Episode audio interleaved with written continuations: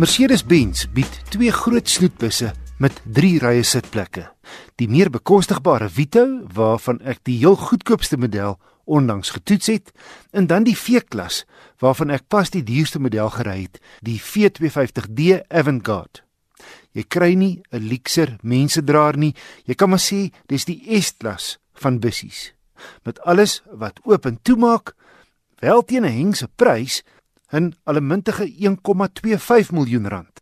Vir 'n snoetbus aantreklik buite met 'n vooruit wat skuins terug lê, netjiese 19 duim alloy wiele, dakreëlings, 'n verwyderbare sleepak en 'n tipiese Mercedes neusgedeelte met LED ligte wat saamdraai as jy die stuur draai en outomaties jou hoëstraal aan en afskakel.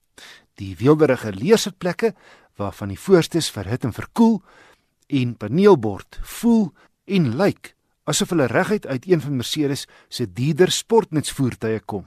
Behalwe vir die hoop spasie, voel dit nie of jy in 'n bussie sit nie. Die V-klas deel tegnologie met ander Mercedes modelle soos die command-stelsel waarmee jy die losstaande sentrale skerm kontroleer. 'n Topklankstelsel met 15 luidsprekers doen diens asook Mercedes se Distronic Plus dis sy gevorderde togbeheer wat self rem en versnel agter die voertuig voor jou. 'n Klagte is dat die V-klas voorlangs behalwe vir die standaard paneelkussie nie stoorplek vir goed soos selfone, beursies en huissleutels het nie. Hy het twee sydeure wat elk met die druk van 'n knop op die sleutelhouer of 'n trek aan die deurhandvatsel self oop en toemaak en die agterste deur maak ook outomaties oop. Al die sitplekke skuif onafhanklik vorentoe en agtertoe. Daar is 'n sewe sitplekker die uit 'n banksitplek vir 3 in die derde ry en twee losstaande sitplekke in die tweede ry wat jy kan omdraai sodat jou passasiers agtertoe kyk wanneer jy die opvoubare tafel oopslaan. Maar dis omtrent 'n gekompliseerde gespook om so swaar stoel om te draai en weer in sy spore gepas te kry. Ek moes die handleiding bestudeer en my tuinman se hulp vra. Die bagasiearea word in twee gedeel deur 'n horisontale rak. Lig sy deksel op en jy kan goed daarin pak. Die hele eenheid kan ook plek maak vir meer lywige goed.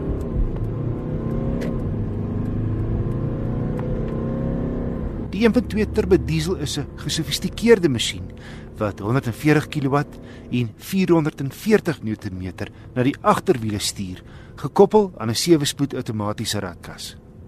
Die ritrekenaar het 8,6 liter per 100 km gelees op my gekombineerde roete, oftewel 870 km op die 75 liter tank.